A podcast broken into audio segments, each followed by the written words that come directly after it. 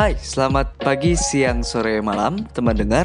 Kembali lagi dengan ku Ilham Hadi Dan sekarang aku akan membawakan segmen baru di uh, Dengarkan Saja Podcast ini Yaitu segmen BTS atau Behind the Story Um, jadi uh, aku di segmen ini akan menjelaskan sebuah cerita tentang sesuatu hal. Misal untuk awal-awal segmen ini dimulai, aku akan menceritakan sebuah cerita dari uh, zodiak. Jadi di sini aku nggak akan uh, ngebahas tentang ramalan zodiak ya, karena aku rasa untuk ramalan zodiak dan lain sebagainya itu udah ada podcastnya sendiri ya. Itu eksklusif di Spotify lagi. Jadi aku nggak uh, akan membahas itu terlebih karena aku juga kurang kredibel di bagian ramal-ramal zodiak gitu. Jadi di sini aku akan membahas behind the story dari zodiak zodiak ini atau cerita di balik zodiak ke-12 zodiak ini. Nah, nanti uh, ke depannya uh, segmen BTS ini atau behind the story ini akan berkembang nggak cuma bahas zodiak tapi mungkin bahas kasus-kasus segala macam. Pokoknya yang jelas uh, cerita di balik sebuah hal gitu. Um, untuk mengawali segmen BTS ini, aku akan menceritakan tentang latar belakang cerita dari zodiak Gemini. Pertama kali adalah aku bahas tentang Gemini. Kenapa? Karena selain ini adalah zodiak yang berulang tahun di bulan ini, Gemini ini juga adalah zodiakku sebagai uh, host di dengarkan saja podcast. Asik. Yap, aku adalah pemilik zodiak yang paling tidak disukai oleh zodiak yang lain. Aku sebenarnya gak ngerti kenapa orang-orang itu gak suka zodiak Gemini gitu. Apa karena mereka pelin-pelan? Ya aku pelin-pelan sih. Ya pokoknya intinya Aku akan bahas juga nanti uh, mungkin di bawah karakter atau sifat pemilik orang-orang berzodiak Gemini. Tapi aku lebih mengutamakan atau mengedepankan tentang cerita atau uh, mitologi di balik terbentuknya zodiak Gemini ini.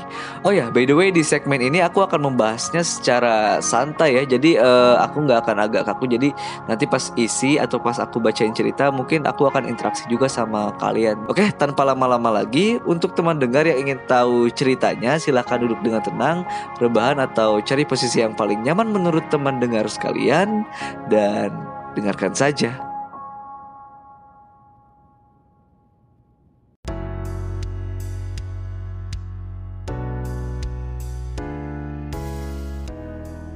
Zodiak Gemini memiliki lambang dua orang kembar. Kenapa begitu? Jadi salah satu alasannya adalah karena zodiak Gemini disusun dari berbagai bintang sebanyak 80 bintang dan hanya ada dua yang paling bersinar terang yaitu bintang Beta Gemonorium dan Alpha Gemonorium. Nah, karena ada dua bintang yang paling bersinar di Gemini ini, di rasi Gemini ini, maka lambang dari zodiak Gemini ini adalah kembar. Tapi selain itu, ada pula alasan lain berdasarkan mitologi Yunani. Berbeda dari kebanyakan asal-usul mitologi, dari 12 zodiak yang selalu menjadi perselisihan, Gemini berasal dari tokoh mitologi Yunani yang benar-benar ada yang diceritakannya benar-benar ada sih yaitu Pollux dan Castor. Pollux dan Castor merupakan kakak beradik yang memiliki ibu yang sama. Uh, ya, ya iyalah ya kan kakak beradik yaitu ibunya bernama Leda tapi berbeda ayah. Oh, jadi Pollux dan Castor ini tuh uh, satu pabrik tapi beda investor lah ya. Jadi cerita bermula ketika Zeus memiliki hubungan terlarang dengan Leda yang tak lain adalah permaisuri dari Sparta. Leda lalu melahirkan empat orang anak yaitu Helen yang nantinya diklaim sebagai penyebab terjadinya perang Troya, Clytemnestra, lalu Pollux dan Castor. Nah, kita akan fokus membahas Pollux dan Castor. Castor merupakan anak dari Raja Sparta yaitu Tindarus yang merupakan suami resmi dari Leda. Sedangkan Pollux merupakan anak kandung dari sang Mahadewa yaitu Zeus. Emang Zeus ini uh, banyak banget ininya ya cabang-cabang peranakannya. Oke okay, next, Pollux memiliki hidup abadi karena merupakan anak dewa. Namun berbeda dengan Castor, Castor merupakan manusia biasa. Nah karena si Pollux dan Castor ini selalu bersama-sama gitu karena mereka uh, sangat erat bersama, keduanya dikenal dengan satu nama yaitu Dioscuri. Kakak beradik ini menjadi lelaki tampan yang mempunyai sifat berpetualang dan mereka punya hubungan yang sangat erat. Walaupun begitu, keduanya memiliki keahlian yang berbeda. Pollux mahir dalam berkelahi jarak pendek, sedangkan Castor lebih mahir dalam berkuda. Mereka berdua bercita-cita untuk menjadi orang yang berguna. Mereka sering membantu dan menyelamatkan orang lain. Mereka berdua juga sering menjadi penyelamat para pelaut yang terdampar ketika sedang berlayar. Mereka berdua pun dijuluki sebagai pengawas para pelaut. Keberanian keduanya tercatat dalam sejarah ketika menyerbu Athena. Pada satu hari, saudari mereka yaitu Helen diculik oleh Theseus. Castor dan Pollux pun menyelamatkan saudari mereka yang cantik jelita itu. Mereka mendatangi kerajaan Theseus di Athena dan membawa Helen kembali ke Sparta dengan selamat. Pada petualangan lain, Castor dan Pollux bertemu dengan dua orang wanita yang cantik bernama Poebe dan Hilaira. Phoebe dan Hilaira merupakan kakak beradik juga. Nah, Pollux jatuh cinta kepada Phoebe sedangkan Castor jatuh cinta kepada Hilaira. Namun kedua anak kembar ini tidak bisa bersama dengan Phoebe dan Hilaira karena mereka berdua telah bertunangan dengan orang lain. Phoebe dan Hilaira telah bertunangan dengan Lyseus dan Idas. Linceus dan Idas adalah sepupu dari Castor dan Pollux sebenarnya. Tapi karena Phoebe dan Hilaira juga mencintai Castor dan Pollux, Castor dan Pollux membawa Phoebe dan Hilaira ke tempat tinggal mereka di Sparta. Hal ini tentu saja membuat Linceus dan Idas marah. Mereka berdua pun mengejar Castor dan Pollux. Nah, Castor dan Pollux terpaksa berkelahi dengan Linceus dan Idas untuk mendapatkan Phoebe dan Hilaira. Mereka berempat berkelahi dengan mengerahkan berbagai kemampuan mereka. Pertarungan sengit pun terjadi dan Linceus menikam Castor dengan pedangnya. Melihat saudara kembarnya ditikam, Pollux akhirnya membunuh Linceus.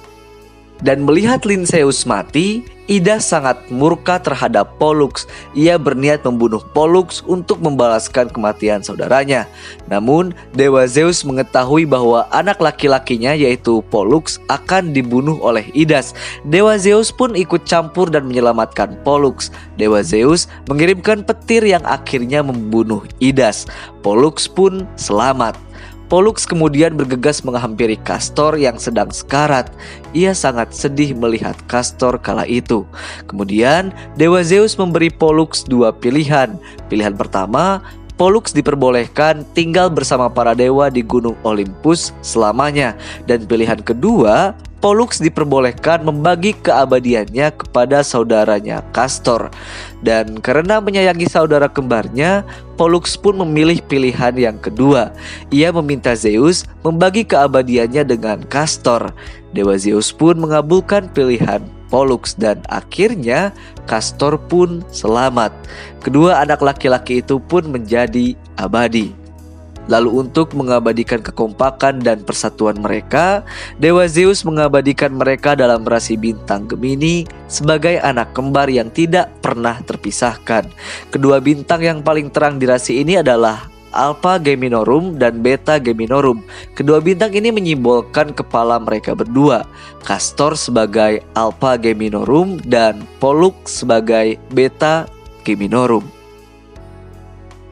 Oke, itu adalah cerita dari asal mula zodiak Gemini berdasar uh, mitologi Yunani ya. Sekarang kita akan masuk pembahasan tentang karakter atau sifat dari pemilik zodiak Gemini, which is harusnya ini karakter atau sifat dari aku juga ya, karena aku zodiaknya Gemini, asik. Zodiak Gemini ini memiliki dua sifat yang kelihatannya saling berlawanan satu sama lain. Misal ingin pergi ke tempat yang jauh, namun juga tetap ingin berkumpul bersama keluarga, ingin bermain dan juga ingin belajar.